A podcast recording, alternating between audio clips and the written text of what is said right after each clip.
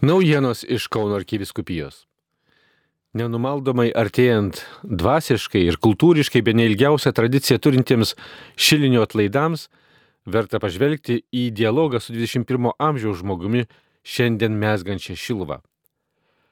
O kalbant apie šiluvo šventovę, pirmiausia, dėrėtų prabilti apie vietą, kur yra paliesta šventumo, apie sekralę erdvę, kuri suteikia viltį, palaiko gyvą tikėjimą bei nepasidavimą negandai.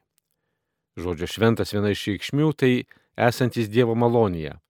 Tokia vieta yra ir Šiluvos šventovė, kurioje buvo palaikoma žmogiškoji viltis prieš šimtmečius, kuri yra palaikoma ir dabar. Tokiamis mintimis dalyjasi Šiluvos piligrimų centro bendradarbiai.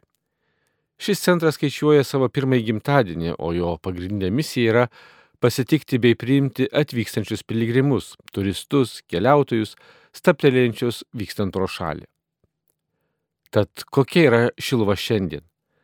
Tokia, kokia visada ir buvo. Tai gausi, gausi vilties, tikėjimo, nepasiduodanti negandoms, kaip tada 17 amžiaus pradžioje, kai įvyko apsireiškimas, ar 20 amžiaus viduryje, kuomet kovota su sovietinė priespauda ir keliauta Lietuvos katalikų bažnyčios kronikos keliais, taip pat ir 21 amžiuje, slenkant pandemijai, aidint karo salvėms, Šilovo šventovė niekada nebūna nuo šalyje vykstančios realybės, nes tai vieta, kuri teikia viltį, paguodą bei drąsą veikti. Rašoma tekste, tekste, kurį kviesdamas atvykti į atlaidus kelbė Šilovos piligrimų centras.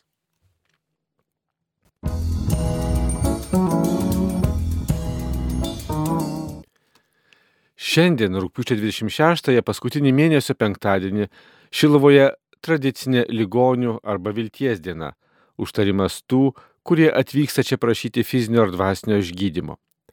12 val. Šventojios mišios bazilikoje, o vakare 17.30 rožinis su gailestingumo versmės bendruomenė.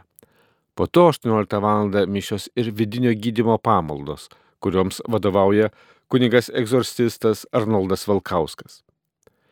Na, o ateinantį sekmadienį rūpiučio 28-ąją jau keliausime į Šilvą, čia švęsti padėkos už laisvę dieną, dėkoti Dievui už tėvynės laisvę ir melstis taikos šiandienos pasauliui, ypač Ukrainai. Tęsiant kelių dešimtmečių nenutrūkstančią tradiciją, šį paskutinį vasaros sekmadienį Šilvą keliaukime pėsčiomis. Kaip jau buvo skelbta, nuo raseinių pusės iš Katauskių gyvenvietės prie Dubysos ir iš Tytuvinų. 9 val. iškeliaus dvi piligrimų eisenos, kurios pasiek Šilvą ir 12 val. bus švenčiama iškilminga liturgija.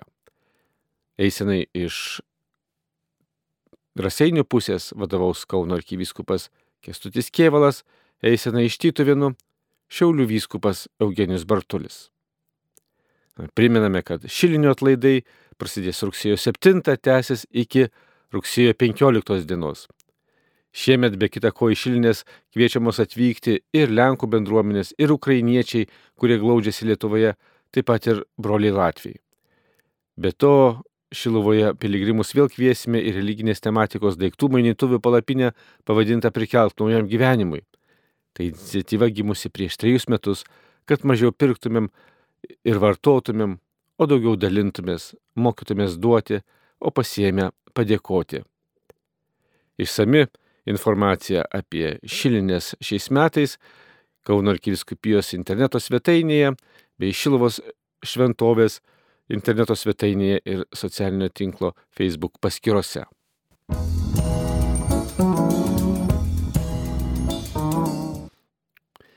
Lietuvos jaunimas džiugia vilti patyrė piligrimystėje į Tezę. Ši bendruomenė Prancūzijoje kas savaitę pasitinka tūkstančius jaunų žmonių iš viso pasaulio. Rūpjūtį čia atvyko ir grupė iš Jono Pauliaus antrojo piligrimų centro. Kartu keliavo Kauno arkiviskupijos jaunimas, jauni žmonės iš Pilviškių, Klaipėdos, Vilniaus ir Marijampolės ir net kelios šeimos su vaikais. Per savaitę praleistą Teize vienolinę jie turėjo galimybę Biblijos įvadose bei mažose tarptautinėse grupelėse aptarti bendruomenės vyresniojo brolio Aloizo pasiūlymus šiems metams tema - tapti vienybės kuriejais. Kalbėtasi apie džiaugsmą, priimti, apie dialogą, supratimą, kad visi esame broliai ir seserys, apie solidarumą su visa kūrinyje bei krikščionių vienybės troškimą.